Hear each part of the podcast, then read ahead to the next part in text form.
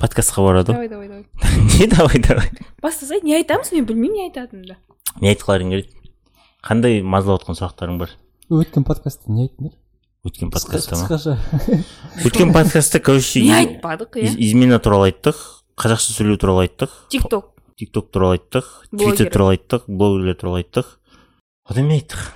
Соны өзіме екі сағат жазып тастадық қой. Вот соны бітті сөйтіп қанша жылдар созбасын бәрібір керек асығыңа қорғасын. Неліктен жалғыз қаламын деп қорқасың бар ғой бар ғой сенің отбасың үйде.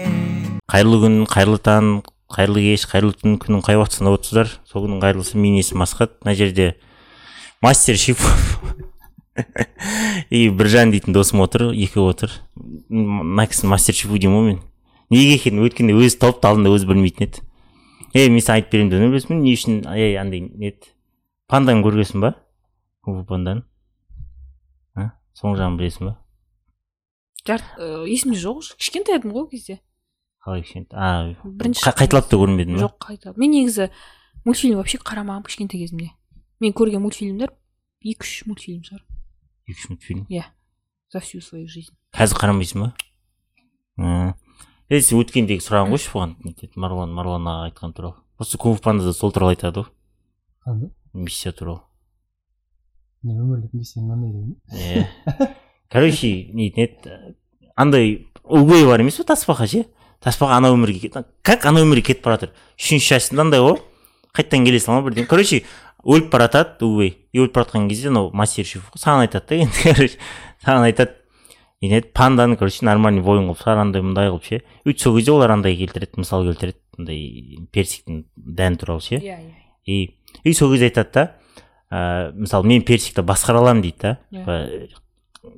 Қалай шығарамын не болады деген сияқты ше. Өзі мастер шеф көп нәрсе айтады. Типа қай жерге қойсам болды солай өседі бүйтіп өсірсем бүйтіп өсіреді өсірсем өлтірсем өлтіріп қалады су бермесем өспей қалады деген сияқты ше. И сол өгейдің соңында айтатын сөзі бар да. Если сен қаласаң да қаламасаң да персиктің дәнінен персик шығады дейді да вот сол сияқты типа әркім адамның өзінің предназначениесі бар да. Ну короче өмірлік миссиясы бар дейді да. Вот сен өмірлік миссияңды таптың ба? Или хотя бы бір андай бар ма? Нетін еді бір догадкалар таптым дейтін. Догадкалар бар. Ну бір біржан сен таппадың әлі. Әлі таппадым. Менде бар но мен былай уже шаршанып кеткен. Қандай догадка сенде? Кім? Супермен боласың ба? жоқ енді мен осы деп айта алмаймын өмірлік догадкам менде больше тут желание желание андай сексен процент желание жиырма процент где то догадки. Менде о- көп ойланатынмын типа бұл өмірге не үшін келдім бұл өмірде миссиям не екен деп. И мынандай болды. Ә, мен мысалы медицинаға жалпы қалай айтсам болады папа айтқан соң ата айтқан соң түстім потому что біздің үйде барлығы медиктер ғой барлығы өзің болғың врачтар. Қазір вообще ше? вообще қызығушылық Қазір. болмаған. Қазір қазір хочу. Қазір бар қызығушылық қазір врач болғым келеді. И ә, сол кезде маған үйдегілер направили осындай медицинаға барсай. Біз бәріміз медикпіз. Сен это у тебя в крови короче медицина деген. Саған оңай болады деді да. И папа да айтты мен сенің потенциал көріп тұрмын сенде сен сенен жақсы врач шығады деді да. Сөйтіп мен және інім екеуміз медицинаға түстік. Қалғандары түспеді ма қалғандары болғанда одан кейін сестренкам жоқ ол түскісі келмеді. Ол түспеймін деп айтты да сөйтіп басқа жаққа кетті. А мен просто не болатынын мен әлі өзім өзім он жеті жасар адам мне кажется ол өмірінде кім болатынын біле алмайды. Мен әлі жиырма үштемін әлі өскенде кім болатынын білмеймін деген сияқты.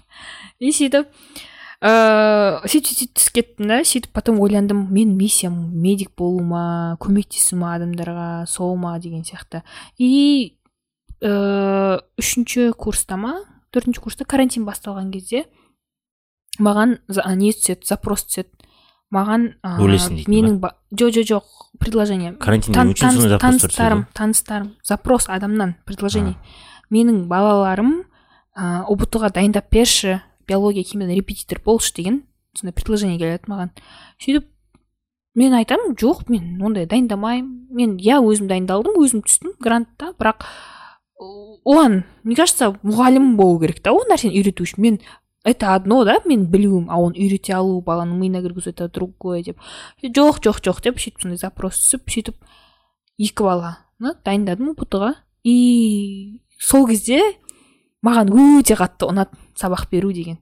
Мен сабаққа дайындалып оларға түсіндіремін анау сабақты тема тақырыптарды түсіндіремін бірге жаттаймыз тесттерді көрсетемін бірге разбор жасаймыз. И мен үшін о сол нәрсе үшін еще маған ақша төлеп жатыр да.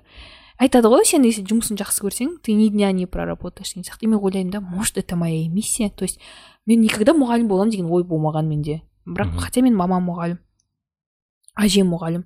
И сөйтемін да сөйтіп ойлаймын ойлаймын ойлаймын. Сөйтіп и екі ай ма дайындаймын екеуі де грантқа түседі медицинаға. Сөйтеді да сөйтіп может сен жүз адам дайындап екеуі ғана түскен шығар екі ақ адам дайындадым. и мен ол кезде мұғалім боламын деген ой жоқ. Қой просто мен жарайды деп біреудің айтқан предложениесіне келістім. И то басында келіскім келмей сөйтіп. И солай мен ііі қалай айтсам болады? Өзім соны сама того не желая өзімде сондай раскрыла сондай талантым бар екен. Оказывается сабақ түсіндіре алады екен біреуге бірдеңе түсіндіріп миына құя алатын. Как бы преподавать ететін. Сөйтіп ойладым мүмкін миссиям осы шығар. То есть мен преподавать етіп жатырмын. Я от этого кайфую бірдеңе адамға түсіндіргеннен басына құйғаннан. И плюс за это мне платят и, и ана балалар да грантқа түсті. Все в плюсе короче. Все в плюсе. И ойладым миссия деген мүмкін осындай нәрсе шығар деп сөйтіп медицина дейсің биологияда вообще басқа сұрақтар келеді ғой қос сияқтылар бірдеңе оны бізде өтпейді ғой универде. Енді мектептің бәрі есіңде ма? Иә жоқ қазір уже есімде. Жеті жыл болды ғой. Сен қашан дайындадың жоқ. олар бірінші курста ма миссияң сен медицина ма оқыту ма? жоқ енді келе жатырмын ғой. Сұрақ жаудыра берді келе жатырмын ғой. Сөйтіп мен сол кезде өз өзіме не шештім шешім қабылдадым. Мен ертең оқуды бітірген соң врач болам болмаймын ол оған қарамастан мен обязательно университетте сабақ беремін студенттерге медиктерге деген. Тем более мен өзім ә, сол кезде өте қатты көрдім көп преподавательдермен жолықтым да. Олар сабақ түсіндіре алмайды сабақ бере алмайды. Иә күшті врач от бога да. Өте грамотный врач. Бірақ сабақ түсіндіре алмайды олар. Сабақ бере алмайды. Келеді бағалайды кетеді деген сияқты. И көңілім толмайтын сондай моменттер болды да. Сол сол барлығы сондай шешім қабылдатқызды енді мен сондай со- соны білемін точно. Қандай саланы таңдамасам да мен ертең студент медиктерға преподаватель боламын деген сияқты. Мхм. и ол бірінші бұл бірінші миссия миссиям сол сияқты. Мгм. екіншіден э, ол больше уже желание ә, я хочу быть полезной этому миру. Мен ойлаймын любой адам жаңа миссия деп жатсың ғой любой адамның миссиясы бар ол бірдеңе істеп кету керек. Ол миссиясын ә, толық істемейінше бұл өмірден кетпейтін сияқты. Мен просто сондай догадки и мен бір альтруистпін ба білмеймін. Бірақ осы өмірге өзімнің ә, немді септігімді тигізгім келеді. Осы өмірдің осы өмірді сделать лучше сделать этот мир лучше. Ол болуы мүмкін. Просто жаңағыдай сабақ беру болсын да болмаса врачевание адамдарды емдеу бірнеше адамның өмірін сақтап қалу болсын да и бір қандай да бір бір үлкен ғұламаның өмірін сақтап қалсам ол ол бір күшті открытие жасап бұл өмірге мысалы жақсы жақсартатын шығар деген сияқты. Сол илон маск деген сияқты. Мысалы просто жоқ илон маск. Второй горда жүр дейсің ғой америкадан ұшып жоқ то есть илон маск сияқты осы әлемде ноу хау сондай бірдеңе ашып сөйтіп жақсы нәрсе алып келетін адам деген сияқты келтіріп жатырмын ғой. Болмаса өзім вообще хочу наукой заниматься в будущем. Мүмкін өзім бірдеңе ашатын саған шығармын. Да. жарасады негізі наукамен айналысқан Өте адаммен деген жараспайды сен адам өлтіресің сен. маған өзіме. Маған көп адамнан естідім. Наукаға барса сен наукаға сенің орның наукада деген сияқты. И мүмкін өзім сондай открытие жасайтын шығармын. И бұл өмірге келген соң мен өзімнің ертең өмірден қайтқан соң өзімнің след қалдырғым келеді да. Что бұл өмірде келдің кеттің кім біліп жатыр ертең бәрі жылайды да бір екі күн сонымен бәрі ұмытып кетеді. Ондай не хочу мен өзімнің атым қалатындай бұл өмірге келдім ба значит бір бір процент болсын өзім пайдамды тигізіп кеткім келеді и менің миссиям сол шығар. Жоқ енді айтып жатырмын ғой әлі былай мутно да именно мынау деген точно нәрсе жоқ. Бірақ в любом случае вот осындай кішкене кішкене догадка бар оның өзі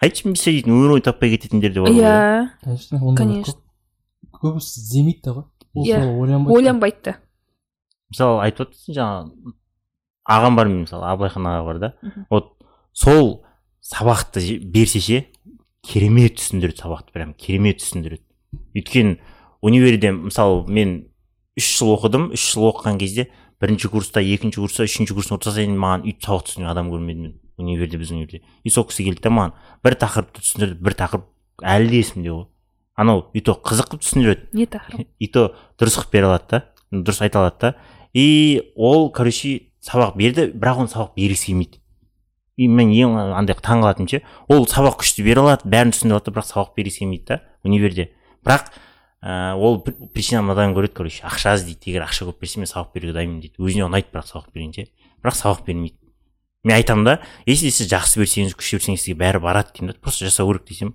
қойшы бәрібір аз ақша береді аз ақша береді дейді да. Сөйтіп жүргендер де көп қой мысалы. Бірақ ол өзі керемет түсіндіреді жаңағыдай сен айтқандай ше келіп кетеді дейтін врачтар бар ғой. Мұғалімдер ондайлар көп қой. Вот жаңағылар аз. Бізде айтады ғой бәрі білесің ба? Сен топассың дым білмейсің деген сияқты. Негізі ода емес қой кінә. Бала просто дұрыс жеткізе алмаған. И мысалы сен де қазір айтып жатрсың андай деп. Мысалы көп нәрсені көремін деп жатрсың ғой сен. Жаңағы біреулер келіп дұрыс түсіндірмей кетеді мен кейін дұрыс түсіндіремін деп ше. Обычно бәрі осыны осындай кезден басталады ғой. Мысалы көп адам көреді врачтар да мысалы бүйтіп көреді. Ә, мысалы практикаға барасың больницаға больницаға бармайсың саған бір дәрігер айтады типа ой қойшы қолым тимей жатыр ойна пол жуа сал ойналар бүйте сал дейді да. И ол короче кезінде сөйтіп өзіне уәде берген да. Типа маған өйстіп студенттер келсе мен кейін бүйтпеймін деп ше. И өзі врач болғаннан кейін дәл сөйтіп жатыр потому что тупо уақыты жоқ па или білмеймін түсінбедім өйткені мен ағалар маған сөйтіп айтады мен кезінде сөйтіп өзіме уәде бергенмін бірақ білмеймін не үшін өйтіп жасамайтынымды дейді. Өйткені олардың короче практика өтіп жатқан кезінде олар айтқан бүйтсеңдерші істесеңдерші и мен сол кезде айтатынмын дейді өзіме. Мен кейін врач болған кезде маған студент келетін болса өтінішпен мен үйретемін оқытамын көрсетемін дейді қазір істеп жүрсіз ба десем жоқ дейді. Просто сөйтіп өзін жоғалта ма білмеймін. Вот сен айтып отырсың ғой сөйтсем деп жатырсың сөйтіп кетпе деп жатқаным ғой. Өмірде. кірмейді ғой? Не Миссия ақша- төлемесе миссияға кірмейді ақша төлемесе иә сол төрт жағы бар ғой жаңағы икигай деген не бір ең бірінші сен сол істі жақсы көресің екіншісі ол адамға керек басқа адамдарға керек болу керек үшіншісі ол үшін төлеу керек та и төртіншісі қандай уақыт дұрыс өткізу шығар сен сол істен кайфовать ету керексің жоқ жоқ ол оған ақша төлемейді ақша төлейді ол аз. аз деп менсінбейді. Бірақ мен оған айтамын егер де сіз осыны істесеңіз сіз ақша по любому көп табасыз деген сияқты. Ол оған сенбейді короче. Потому что арғы жақта ол былай айтқанда нормально ақша тауып жатыр да и мынаны істегісі келмейді. Конечно. Істегісі келмейді. ол еще ол жарайды егер да ол адамда одан басқа бір үш төрт источник дохода болсыншы да мысалы просто так келіп тұрған. И сол кезде ол ә, преподаванияны от души как хобби ретінде айналысып сол кезде істеу керек. А бірақ бізде қазір көп адамның қазақстанда экономический енді жағдайлары мысалы барлық адамның кредиті бар деген сияқты ше оны төлеу керек өйту керек семьясын асырау керек сөйтеді да и оларда мен бұны қазір құр босқа уақытымды құртып преподавать етіп жүремін ба? дейді да лучше мен ә, зарабатывать етейін дейді да сөйтіп хоббисіне забивать етеді да зарабат зараб этот зарабатывать ететін жақты таңдап кетеді. Болмаса мысалы ертең сол адамда просто так басқа жақтан келіп тұрсыншы пассивный доход. Сол кезде ол барады да от души сол өзіне қалаған ісімен айналысады. Ақшасына қарамай. не екен да? Қол- қолыңнан жақсы келетін нәрсе болу керек. Вот. Не дело в том что менің ойымша ну білмеймін бірақ абайхана менен ақылды адам ол мен айтпай ақ қояйын ол ақылды адам емес мен айтатын адам ғой. Бірақ басқа адамдар мысалы істей алады да жақсы істейді бәрін біледі. Бірақ олар ойлайды ғой қазір мен істейтін болсам типа ақша саламын андай саламын деп ше? Ол дальше ойламайды да что мен бұл менің қолымнан күшті келеді мен бұны жақсы істейтін болсам екі үш жылдан кейін мен қазіргі ақшадан да көп табамын дейтін ой келмейді оларға. Олар типа қазір мен жақсы деген сияқты ше. И дальше кетпейді сондайлар көп деп отқаным ғой ешкім гарантия бермейді ғой. Әрине ешкім гарантия бермейді. Ешкім гарантия ешкім бермейді. гарантия саған бермейді. А олар өйтіп жүре алмайды ғой рисковать етіп. Всегда риск риск ештеңе болмайды. ғой мен пока сол үш төрт жыл жүре тұрайын үш төрт жылдан кейін бұл маған жақсы заработок алып келеді деп ойланатындай. Айтып жатырмын ғой семьясы бар басқасы бар иә. Асырау керек дұрыс па? Түсінемін иә оның Иә. бәрін түсінемін конечно. Вот. Енді риск ештеңе болмайды ғой. Егер риск риск болмаса бәрін өмір кайф сен сен риск істеу үшін хотя бы хоть бір кішкентай болсын финансовый подушка болу керек. Оны оны оны жасау үшін не істеу керек.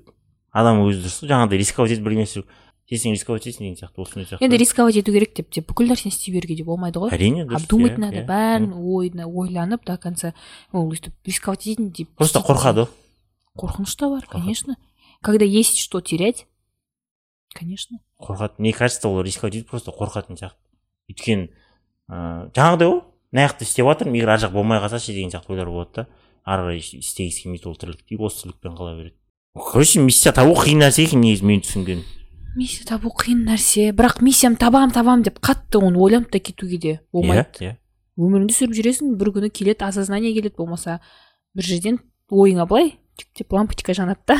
Сол кезде түсінесің. Негізі сол миссияны жеңіл табу үшін көп нәрсе істеп көру керек та Иә. сол үшін сол.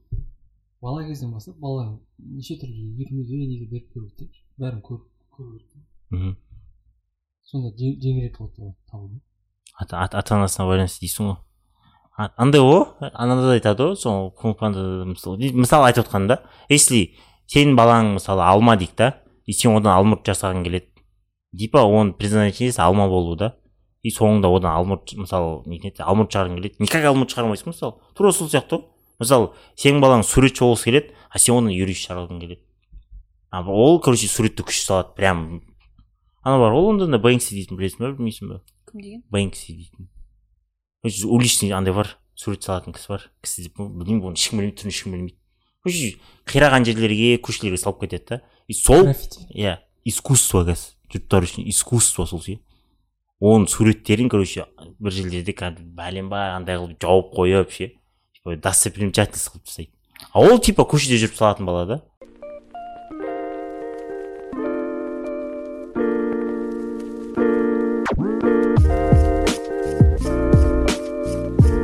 Мне кажется рано или поздно ол шығады нәрсе шығады. Мысалы ә, менің інім ол всю жизнь өлең айтатын. Өлең айтатын гитарада ойнайтын ә, өнер адамы еді. Ә, квейн ойнайды спектакльдарға шығады актер сондай ә, стих оқиды мәнерлеп оқу. Не керек өнердің барлық саласына.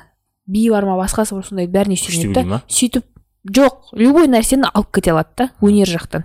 Ай, а бізге актер керек деймін айбек барады да ойнап береді. Бізге короче өлең айту керек барады өлең айтып береді. И біздің үйде по мужской линии өлең айтады атам айтады папам айтады айбек айтады да мысалы.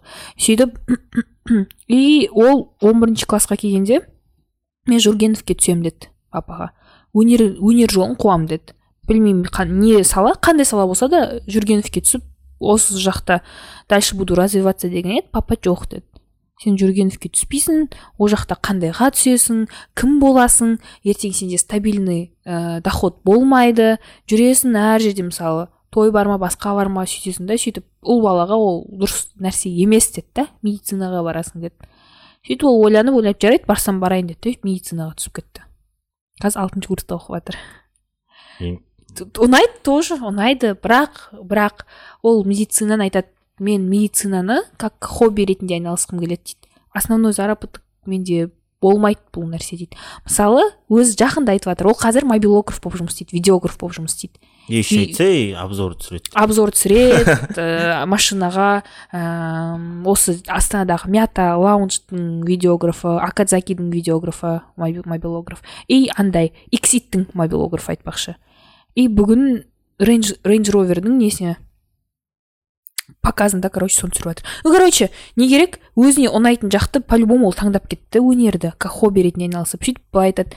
Ә, енді мен врачпын ғой дейді да сен врачпын алтыншы курсқа келдім енді ә, практика керек деп реанимацияға жұмысқа тұрған алтыншы курста медбрат болып сөйтіп екі күн істедім дейді. Сөйтіп үшінші күні бардым да сөйтіп айлығым қанша деп сұрадым дейді. сексен мың теңге деп айтты дейді. Сөйтіп қанша дежурство дейді аптасына үш дежурство ма ночқа түсесің. Сөйтіп сөйтіп. Не керек сағатына санағанда алты жүз теңге ма шыққан ғой. И сексен мың теңгені әсем дейді да мен сексен мың теңгеге олай жұмыс істей алмайды екенмін деді вот басталды. Тем более реанимацияда реанимацияда кішкентай балалар жылап ана жерде өлім өлім көресің да. Қиын ғой морально морально қиын. Сөйтіп айтады да мен ол сексен мың да дейді да если захочу екі күнде екі проекттен ақ аламын ғой дейді да мен лучше бармаймын деп жұмыстан шығып кетті. Қазір мобилограф болып жүр короче врач Дальше. болмайды десей ол болады. Бірақ андай болады да? Бір. Бір күнде екі үш сағатқа барып келіп деген сияқты. Сондай оңай жағын таңдайтын врач болады. Деп сөйтіп маған айтты. Анау жұрттар жұрттар жамандайтын врач болып кетті десе болды. Сөйтіп сөйтіп айтты. Бірақ өзімнің дальше мысалы өлең айтқым келе ма? Дальше өлең айтамын деді дальше автообзор автомашинаға қатты қызығады. Машинамды дальше түсіре беремін ну основной жұмысым сол нәрсе болады деді да. А врачевание медицина больше как этот как хобби. То есть оның ақшасын мен уже қарамаймын деді қанша тапсам да. Солай дополнительный жұмыс ретінде болады деді вот сондай сияқты. Мен иногда ойлаймын мүмкін айбекке медицинаға түсіргізбей өзі қалаған түсем деп жатқан жүргеніне түсіре салу керек пе еді? Потому что сенің балаң сен көп ата аналар ойлайды мен балам ғой мен білем ғой баламды как лучше я знаю дейді да сөйтіп солай таңдап сөйтіп түсіргізіп жібереді. Бірақ қателеседі көп жағдайда қателесетін кездер болады.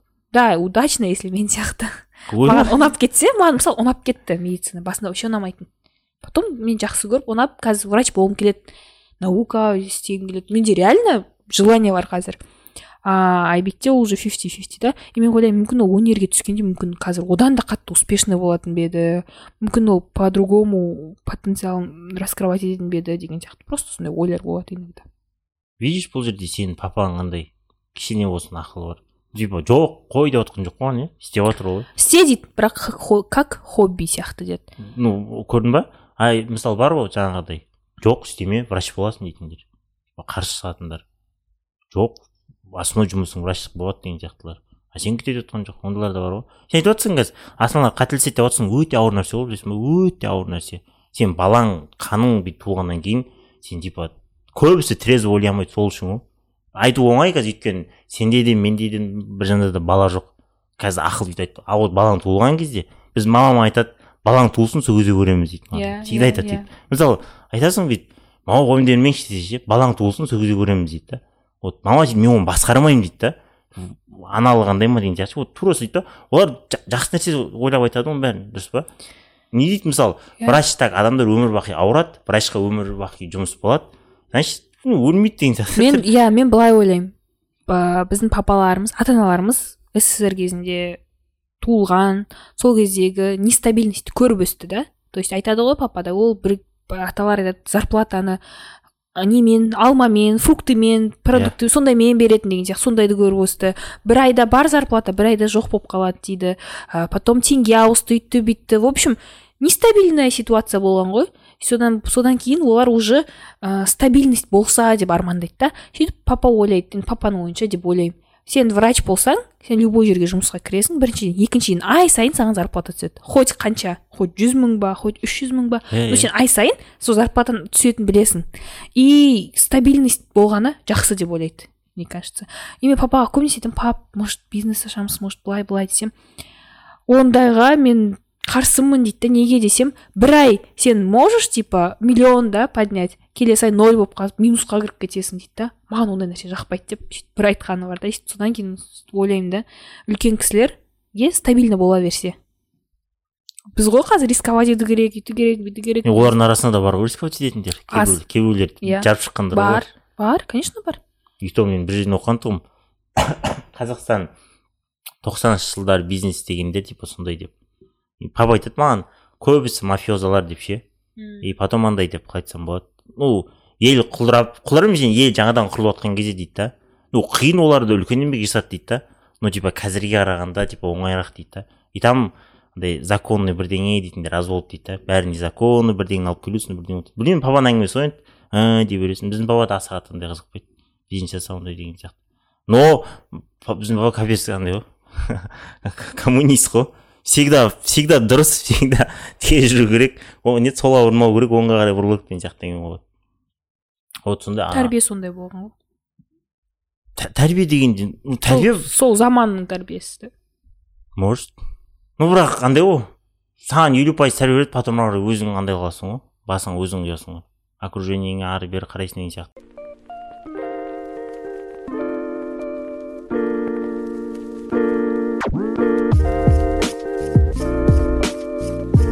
Қазір де көп қой ондай. Стабильностьті андай қылатындар стабильностьке барғысы келетіндер мысалы. Қайдам қайдам. Қазіргі жастардан сұрасаң оқу маған не үшін керек высшее образование маған неге керек? Бәрі блогер болғысы келеді бәрі фрилансер болғысы келеді.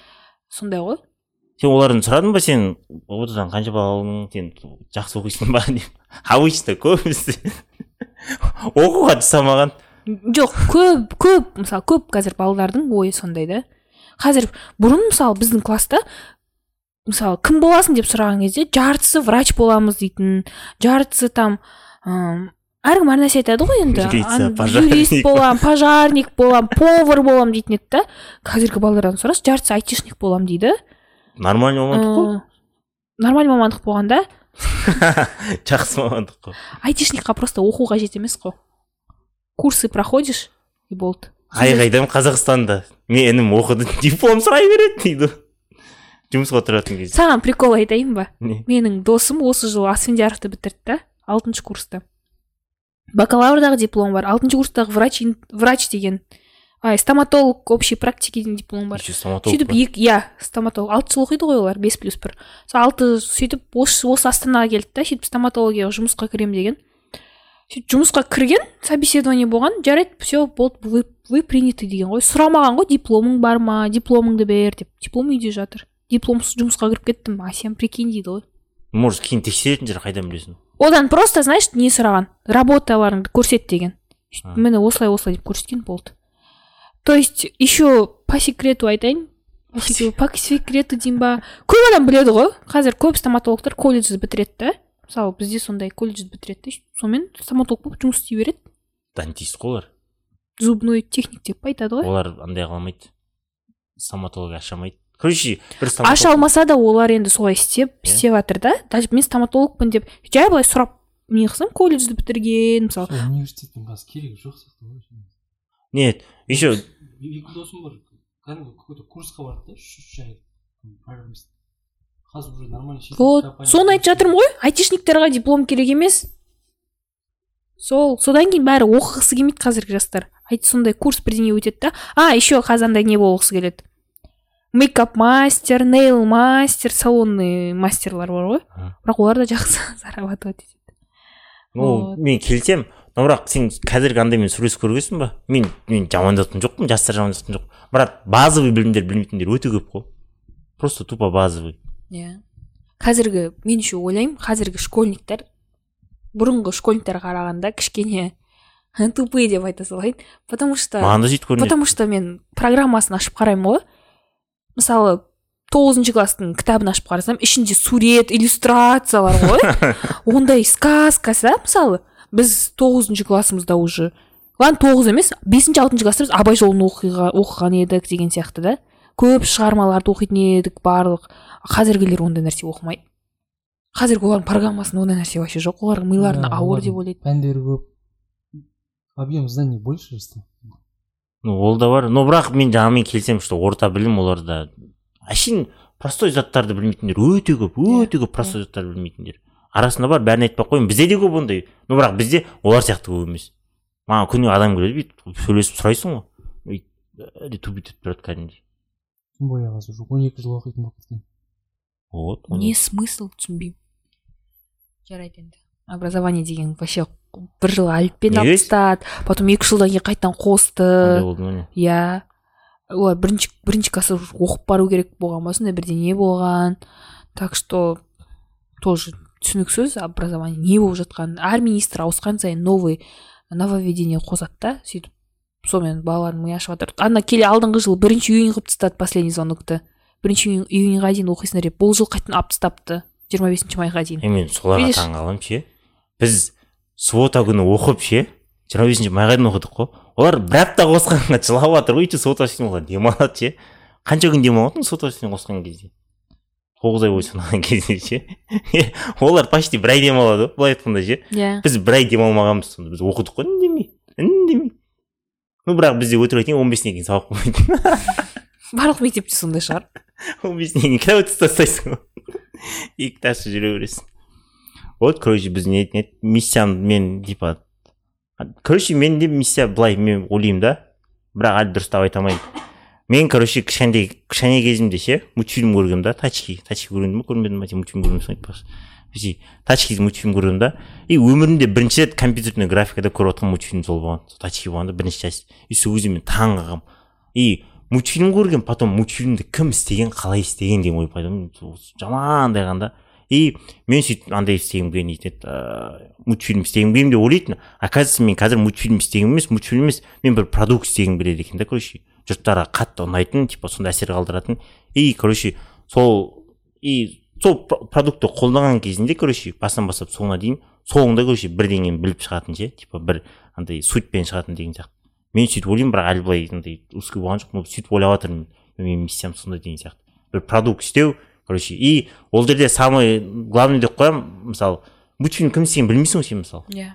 Актерларды білесің Иә. андайларды, а мультфильм Иә, кім иә. істегенін білмейсің. Вот именно көрдің бе? мен как мне кажется мен продукт істеймін бірақ продукттың беті субтитрларды оқысам білесің?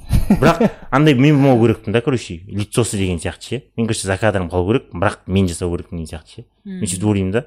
Ал если мысалы и то киноға түсетін болсаң актерлерді білесің ғой мысалы. Атын қарайсың андай қыласың. И то бір жағынан мультфильм жасау өте қиын нәрсе ғой негізі. Чем киноға қараған кезде субтитр оқисың дейсің субтитр қайсысы оқиды марвел үйретті субтитр оқуды алдында давай дейтін едік қой ол жер ол жерде де субтитр оқымайсың ғой өлең тыңдап отырасың ғой саундтрегін сразу сотка ашып күтіп жоқ қанша после титров сцена болады дейтін иә иә иә иә иә екеуі болады десе все оставим екеуін күтіп отырасың деген сияқты. жазатын сондай сияқты сол короче миссиясын іздеу керек миссияны сен оқудың айтшы миссияны қалай іздеуге болады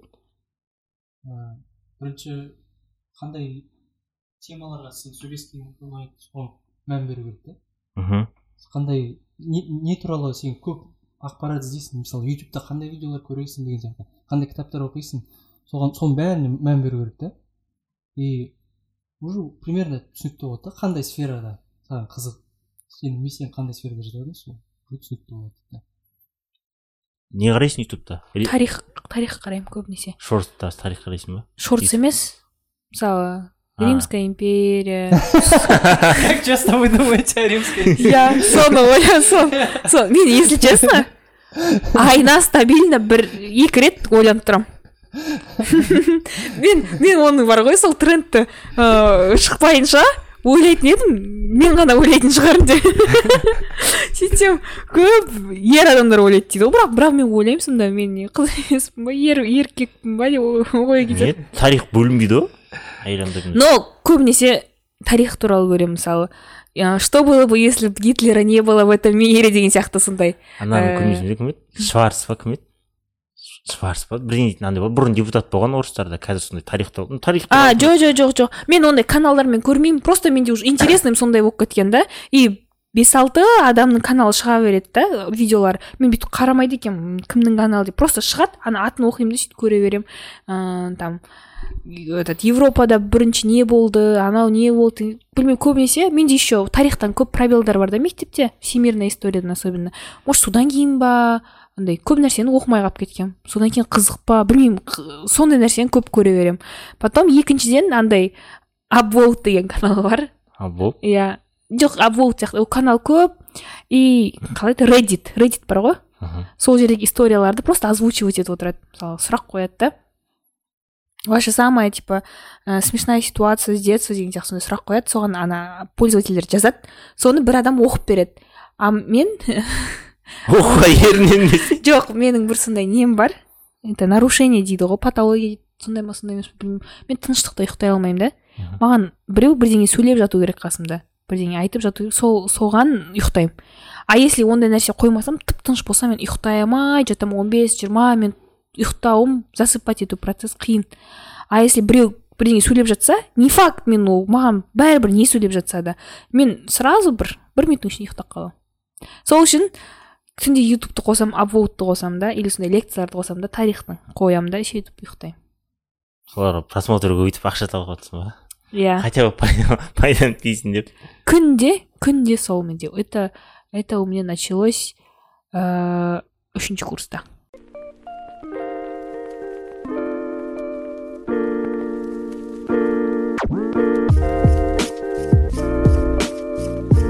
Оған дейін қалай ұйықтадың нормально. Тыныштықта ұйықтай беретінмін жай кәдімгі адамдар сияқты. не болды? Үшінші курста бірдеңе болды ма? Стресс наверное. Стипендиядан қалдың ба? Жоқ. Мен сабақ жақсы оқимын. Ойбай өтірік айтып жатыр сенбей ақ қойыңыздар. Жоқ ондай нәрсе болған жоқ просто. Стипендиядан төрт рет құлаған кісі ғой айта бер. Мен ба иә иә. Жоқ олай емес. Енді сабақтар көбейіп кетті подфиз басталды анау болды мынау болды. Ыыы мектеп өтірік соғып жатыр мен де оқығанмын сабақтан кеттім универден отчисление болғым келген. Үшінші курста. Үш рет па төрт рет па сондай отчисление болғым келген. Потом үйде әжем айтатын тоже. Просто мен үйге келіп түнде сабақ оқитын едім да. И сөйтіп базында қайтадан та- бір бір екі сағат ұйықтап қайтадан сабаққа барасың. И бір екі сағат ұйықтайсың. В общем күнім түнім ауысып ұйқы деген вообще режим құртылды да сөйтіп я заработала себе гипотереоз мхм. щитовидка на фоне этого. И дұрыс ұйықтамаған сөйтіп содан кейін мен вообще көңілім қалды. Мен неге өзімнің здоровьемді құртып оқу керекпін деген сияқты. Сөйтіп сол кезде әжем айтатын может отчисленияға кете саласың? Саған зачем? Өз өзіңді қинап өзіңді қинама дейтін еді да и вообще сабақ оқымай ақ қой налегке оқы. Олай қатты. Менде андай да перфекционист едім сол курсқа дейін. Мен бір нәрсені істеймін ба значит мен идеально істеу керекпін ол нәрсені. Қандай курсқа дейін? Үшінші курсқа дейін. А. Бір курс оқып курс оқып жақсы жолға түстің ба дейтін сияқты жоқ жоқ жоқ. Клуб анонимных мысалы мысалы үйге мысалы презентация жасауға бере ма? Тяп ляп істеп салу деген жоқ та мен. Барымды салып идеально қылып шығару керекпін. Осы үшінші курсқа дейін мен сондай синдром отличника болады менде еще маған тапсырма маған еще групповой андай болады ғой. Сол синдромнан қалай құтылдың құтылдың ба? Иә. Групповой мысалы проект за- задание болады. Бәрін өзің істейсің соны лучше бүйтіп бөліп беремін ешкім істемесе лучше өзім істеймін деймін. До конца өзім істеп сөйтіп идеально қылып алып баратынмын. Сенімен сенімен болу керек группада. Ол үшінші курсқа дейін. Сөйтіп осы көп нәрсе осы факторлар болды. Гипотереоз болды анау мынау болды. Сөйтіп отчисление кете сал деген әжемнің сөздері болды. Сөйтіп соның бәрін ойландым да. И уже а еще мен андай едім конспект жазу керек та. Конспект жазу үшін мен оны идеально алып жазу керекпін. Красивый почерк оформление. бірақ ондай нәрсені істеуге потом уже уақыт болмай бастады. Уақыт болмай жай жай жаза салуға мен жоқ дейтінмін өзіме ондай рұқсат бермей. И, и как итог конспект жазылмайтын еді. Сабақ оқылмайтын еді сөйтіп сондай сондай сондай болып пайда болып кетті. Сөйтіп в итоге не керек? Қой так нельзя дедім да. Сөйтіп жайлап жайлап құтыла бастадым ол нәрседен. А, еще үйде үй, үйімдегі домашний олар тоже айтатын. Асем сен қанша алсаң да баға қанша оқысаң да біз сені жақсы көреміз. Өз өзіңді қинама. Ты для нас всегда на первом месте. Оқудан шығып кетесің ба? Ә, тастап кетесің ба? Это как бы не повлияет деді біздің саған деген отношениямызға.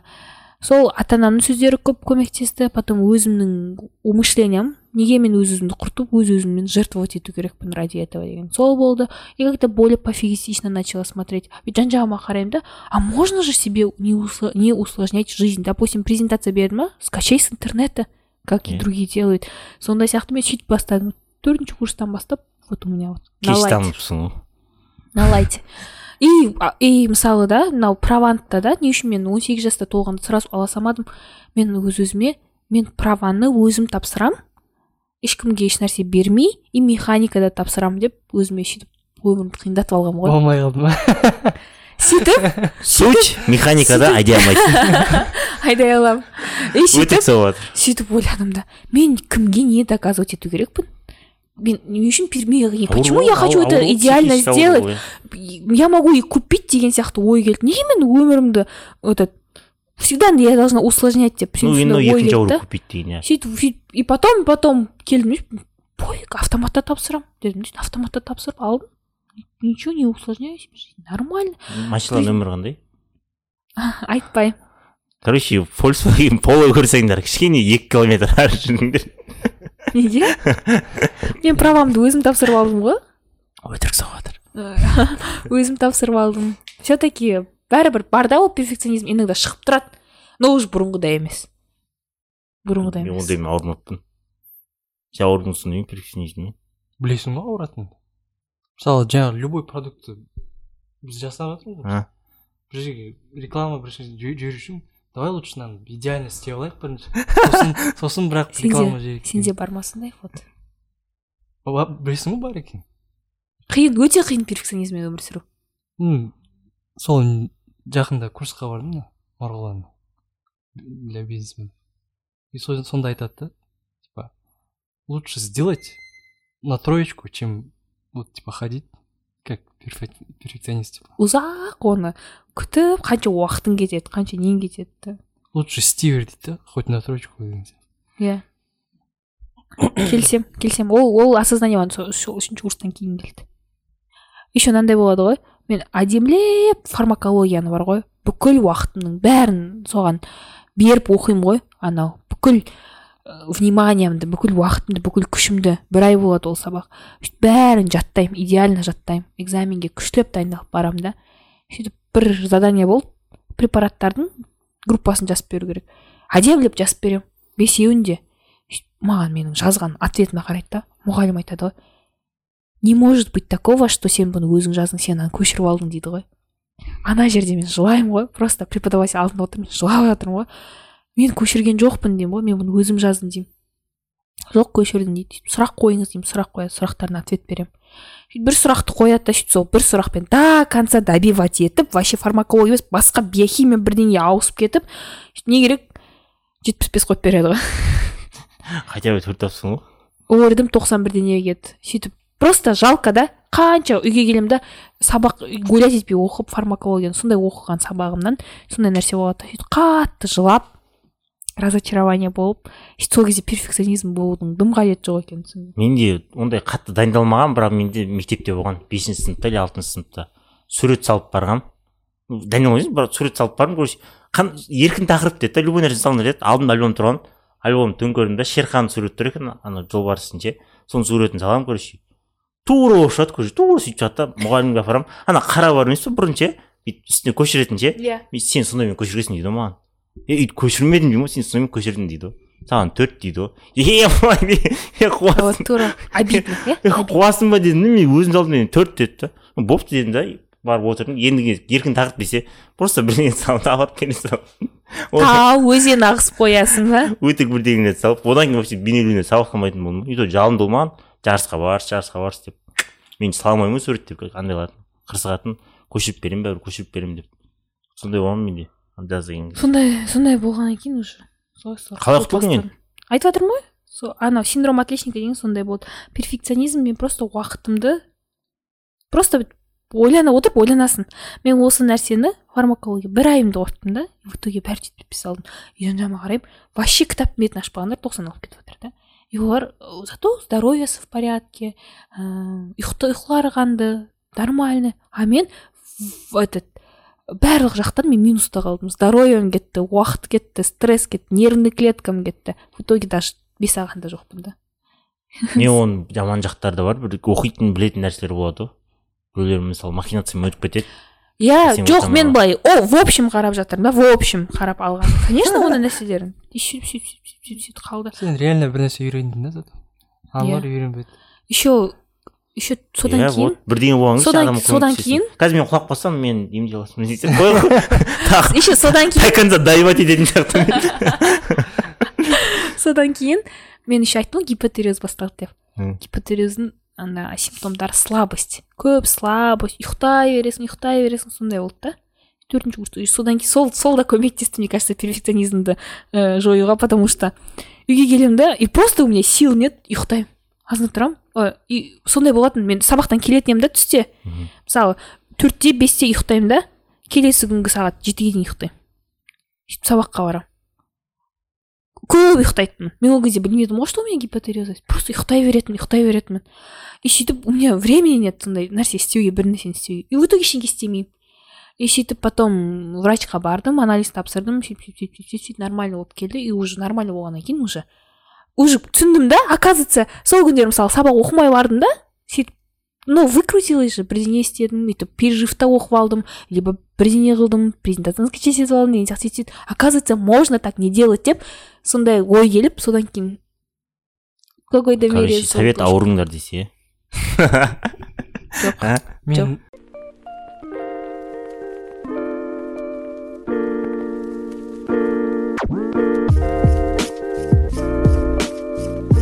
универде оқығанда наоборот менікі сондай еді түк істемей тоқсан алып кететін со- сондайға мәз болып жүретінмін мен негізі. Бірақ оның да бір минустары бар екен да. Иә. Типа конечно баланс ұстау керек қой короче еще мен үйде старший ребенок болғаннан кейін менде ответственность. Көп аламын да өзіме өзім гипер болса да ала береді гиперответственныймын да. Ответственный. Үйдің үлкенімін ыыы ата анамның үмітімін деген сияқты. Сондай маған өйтіп айтпайды но сонда да мен өзіме солай жинап алып ауыр ноша алып аламын артыма. Сен үйде қыз адамсың ғой саған айтпайды маған айтпайды ғой еш кетесің ғой нәрсе сен. но сонда да мен үйдің үлкенімін мен артымнан інім сіңлілерім бар. Соларға пример болу керекпін деген сияқты. Нош алып алғанмын ну ол да қазір уже начинаю өзің көтіңе шытырман оқиға іздейсің да жүреді екенсің короче не бірақ жаңағыдай баланс ұстау керек баланс. Сен бүйтіп отырған естілмейтпесін бе? Баланс иә. Баланс ұстау керек дұрыс. Енді енді келе жатырмын сол өмірге. Баланс ұстаймын уже көбінесе мен қазір пофигистпін көп жағдайда а ладно деп қойып жүре беремін қалай екен енді жақсы ма? Күшті. А? керемет. Пофигист болып өмір сүрген. Қанша нормально жауып жатрсың ба оқуларды иә жоқ мен сабақ оқымаймын деймін оқимын. Бірақ в меру да. Мысалы келдім ба сабақтан шаршап келдім ба ұйықтап аламын оқығым келе ма оқимын. Конспект жазғым келе ма жазамын. Самое главное мен қазір конспектті как хочу жаза саламын бұрынғыдай жазып жатырмын значит мен значит мен идеально жазу керекпін деген нәрсе жоқ идеально почерк болу керек деген жоқ. Главное түсініп тұрмын ба болды. Күшті нәрсе тапсың ғой. Мен еще айтайын ба бірдеңе? Бірінші курста лекция жазатын едік қой. Сол кезде лекцияда не успеваешь же менің екі дәптерім болатын всегда. Лекцияда былай жазып алатынмын. Как есть сөйтіп үйге келетін едім да соны әдемілеп жақсы әдемі почеркпен көшіретінмін. Мен жазатын қалып кеткен кезде ручканы қоясың да аудиозапись қосасың. Все отырасың. Диктофон қосатынмын серьезно. Диктофонмен де қосатын өйтетін едім диктофон қосатын үйге келіп мен просто ана дәптерді алып жүруге былайша айтқанда жеркенетінмін анау. Жаман жаман почеркпен жазылған дейтін едім да. Үйге келіп әдемілеп үйді дәл осылай жинайсың ба? Үйді солай иә үйді просто бір шам болып қалса үйдің бәрін жинап иә. Ол бұрын бұрын. Вот Қазір- мынау- жаман уже қазір енді сен бір жерден пофигист болсаң барлық жақтан пофигист боласың ғой. Жоқ мен үйді жинаймын жақсылап жинаймын дұрыстап. Бірақ прям уже астына кіріп кетіп прям бүйтіп емес. Линолеумды көтеріп тастап. Біз де жинаймыз ғой астына кіріп кететін адам керек қой. Жинаймын в меру тоже в меру. Менің тетям бар тоже перфекционист. Үйдің бәрін жинап белизнамен жуып ана больницаларда болатын дезраствор бар ғой. Е. Сондаймен жуып еще кварц қойып қояды ғой. Ол слишком вот осы кезде перфекционизм жақсы. Асхат тоже бірінші екінші курста оқитын негізі нормально. Потом ей мен деген ей алтын белгі боламын ей ей сендер қызылмен бітіргенмін ей сендер мен сұмдық мен бірінші курстан бастап бара ну кинода солай. Бір кісіні көрдік қой. екі жыл сабаққа бармаған. Иә. Вот сол короче короче миссияң жаңағыдай екен ғой. Көп нәрсе іздеу керек көп нәрсе көп нәрсе істеу керек короче. Көп нәрсенің дәмін көру керек иә. Иә қорықпау керек. По любому қорқады ғой. По любому қорқады қорықпайды. Жаңағыдай еще ешкімді тыңдамау керек. Білмеймін. Кейбір Мысалы- кезде кейбір кезде тыңдау керек. Мысалы қара мен де мен де миссиямды іздедім да. Мен жұмыс істеу жұмыс істеу керек болды да. Керек, керек болды емес маған үйімдегілер айтады всегда жұмыс істеме сабақ оқы дейтін еді болды. Бірақ андай ортаға түсе үшінші курста ма сондай ортаға түстім группамда бәрі жұмыс істейтін. Мен де жұмыс істегім келетін. Бірақ я знала одно мен хочу работать только в сфере медицины. Не істесем екен не істесем екен деп ойыма массаж курсын өту келді. Тоже үшінші курс как раз карантин басталып кетті массаж курсын өтемін дедім да. Сөйтіп соған ақша жинап бастадым. Сөйткеннен маған м еще мен ол кезде жетісайдамын еще маған тетям айтты. Зачем тебе массаж? Кім барады қазір массажға сен типа не заработаешь. Лучше не надо деді сөйтіп мен айттым маған какая разница работаю нет просто көремін мен ешқандай минусқа кетпеймін ғой. Үйренемін плюс один навык болады. Өмірде по любому пригодится да. Даже если не пригодится. Ертең балаларың болады балаларға массаж істейсің по любому мне кажется любой навык саған өміріңде керек болады. Ол хоть именно напрямую болмаса да и содан кейін сөйтіп солай айтты көбі сөйтіп айтты зачем тебе зачем тебе? Но маған мен бір жақсы жағым мен всегда открыта к новым знаниям. Қандай нәрсе болса да новый нәрсені үйренуге всегда құлшыныс бар. Сөйтемін да сөйтіп «Үй- үй- болса болады болмаса болмайды дедім да сөйтіп бастап кеттім сөйтіп не ничего нормально очень даже хорошо зарабатывала сөйтіп сөйтіп сөйтіп сөйтіп, сөйтіп үйреніп кеттім. Бірақ просто мен өзім екі жыл жұмыс істедім да сөйтіп шаршадым. Э, түсіндім что это не мое то есть да это да я хорошо зарабатываю да у меня удобный график қалаған адамды қа- қабылдаймын қалаған адамға жоқ деп айта аламын Э, қалай қаласам бір апта отпуск істей саламын сондай нәрсемен жүрдім да. Бірақ түсіндім что нет это не мое менікі емес екен деп қойдым потом косметологияны оқыдым. Тоже ол маған айтты зачем он? Просто обучениесі қымбат болды бес жүз мың теңге болды. Зачем оны оқып бес жүз мың теңге құртып саған ешкім келмейді қазір не керек екінің бірі косметолог деді көбісі. Бірақ маған просто қызық болды сол новый нәрсені үйрену. И айттым да мен оқуды главный оқысам болды ғой маған обязанность жоқ қой оқыдың ба главный все все жұмыс істе деп маған ешкім айтпайды ғой. Істегің келе ма істеймін істегің келмей ма біреудің ақшасын оқысаң иә өзің ақшасын оқысаң. өзімнің ақшам оқып жатырмын ғой главный. Өзімнің ақшам оқып жатырмын сөйттім да сөйтіп соны оқыдым да сөйтіп маған ұнады в принципе. Сөйтіп бір жыл жұмыс істедім ровно бір жыл. Сөйттім да потом мен түсіндім что это не мое осы жазда жұмыстан ол кезде бірақ оқуға кетемін деп шығып кеттім бірақ қазір уже істегім келмейді. Ә, қызығушылық жоқ я не горю. Мысалы жұмысқа бар косметолог косметологты айтып жатырмын ғой істедім ғой бір жыл жұмыс істедім ғой. Мысалы и қазір просто не горю. И мен ойлаймын что я способна на что то большее деген сияқты. И мысалы жеті жыл оқып косметолог болу маған кішкене жалко сияқты уақытында и я потому что достойного большего деп не то чтобы достойно а способна сондай нәрсе он- үл- үлкен нәрсеге содан кейін мен просто жеті жыл оқып дейсің ба? Иә. Ну тоже бір жағынан жаман нәрсе. Типа типа зачем ты усложняешь жизнь дейсің ғой жоқ мысалы кейбір адамдар сондай болады да типа мен мынаған мынанша жыл кетірдім. И типа мен енді текке кетірдім ғой бұған бұл жаққа жүре берейін. Ал негізі бұл сенің миссияң болмауы мүмкін да. И типа сондай. Жоқ жоқ жоқ жоқ. Сен дұрыс түсінбедің.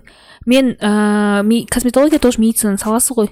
Мен медицинаның саласын жетінші курстан кейін енді қазір таңдау үстінде тұрмын да. Қазір мен таңдау керекпін. Қайда кетемін? Косметологияға кетемін ба? Гинекологияға кетемін ба? Терапияға кетемін ба? Соны таңдау керекпін қазір. А маған көп нәрсе ұнайды. Үш төрт сфера ұнап тұр да мен әлі точно білмеймін не таңдауға болатынын. Бірақ үш төрт сфераның бір- бір- бірігетін жері табуға болады ғой білесің ба? Мысалы Қа- қазір мен саған айтамын сен маған бірігетін нәрсені тауып бересің. Сөйтіп ыыы и солай солай болды да косметология просто андай қызық болды потому что жұмысы оңай біріншіден. Особо қатты енді никак мен ондай бүйтіп неғып жатқан жоқпын оңай нәрсе қиын нәрсе деп. Просто просто объективно оңайырақ. Короче, ақшасы еще- көп дейсіз. еще о, а, и айттым ғой бірінші айттым ғой бірінші ақшасы көп өзіңе жұмыс істейсің и все но қазір косметологтардың көбісі медсестра медсестралар косметолог болып жұмыс істей алады да и екі үш ай жұмыс істеп ай екі үш ай курс өтіп жұмыс істей бере алады. И мен ойлаймын да қазір сондай кісілер сондай болып жатқаннан кейін мен неге сонша уақытымды құрып медицинаны болып мен неге косметологияға барамын деген сияқты но но если мне нравилась бы косметология мен ондай нәрсе ой ондай ой келмейтін еді маған ойыма дұрыс па деген просто өзім ойладым сондай осознание келді сөйтіп басқа нәрселерді ой ой- этот қарадым сөйтіп мен былай қарап тұрсам косметологияда массажда мен всегда мне всегда нравилось работать руками. Қолмен бірдеңе істеген и біреу біледі біреу білмейді мен лор болып жұмыс істедім үш жыл и сол кезде мен жай консультацияға келген кезде ішім пысып кететін маған а, құлағына бірдеңе кіріп кеткендер құлағын жуу керек сондайлар оперативный. құлақтарыңа сондайлар сондайлар келсе мен наоборот маған қызық еді мен наоборот ана энтузиазммен барып соны істейді ананы шығарам. Потом хирургическийлар келсе ше обработкалар пхо бәрін үлкен желаниемен істейтінімді байқадым да и мен түсіндім что маған хирургия жақын. Бірақ оның да ішінде көбі бар әлі ойланып жүрмін именно нені таңдайтынымды. Бірақ сол хирургический специальность. Миссиямды вот солай да таптым десем де болады Вот мен, мен пробовать еттім ғой массаж пробовать еттім ұнамады бірақ что то общее видишь везде работа руками. Сабақ берейінші. Сабақ берген тоже. Айтып жатырмын можно қолың вообще бүйтті сабақ беруге болады ол маған работа емес қой ол уже сабақ беру. Для меня это как хобби. Мүмкін сол шығар деп жатқаным ғой мүмкін? Не отрицаю. Мүмкін. Қолың қолың вообще керек емес болып. Мен мысалы папам врач также преподает. Сабақ бере ма не иә. Қандай ден? Колледжде сабақ береді. Қандай сабақтан береді? Скорая неотложная помощьтан береді. Ейба ең с- кешіріңіз аға бірақ ең жек көретін адам екенсіз ғой короче. Ол не ғой? Колледжде. Ол ыыы главврач қой скорый ненің скорой помощьтың ну ең жек көретін адам короче. Бүкіл студенттер жек көреді соны обычно солай ғой. Жоқ нормально. Қанша жылдар созбасын бәрібір керек асығыңа қорғасын. Неліктен жалғыз қаламын деп қорқасың. Бар ғой бар ғой сенің отбасың үйде.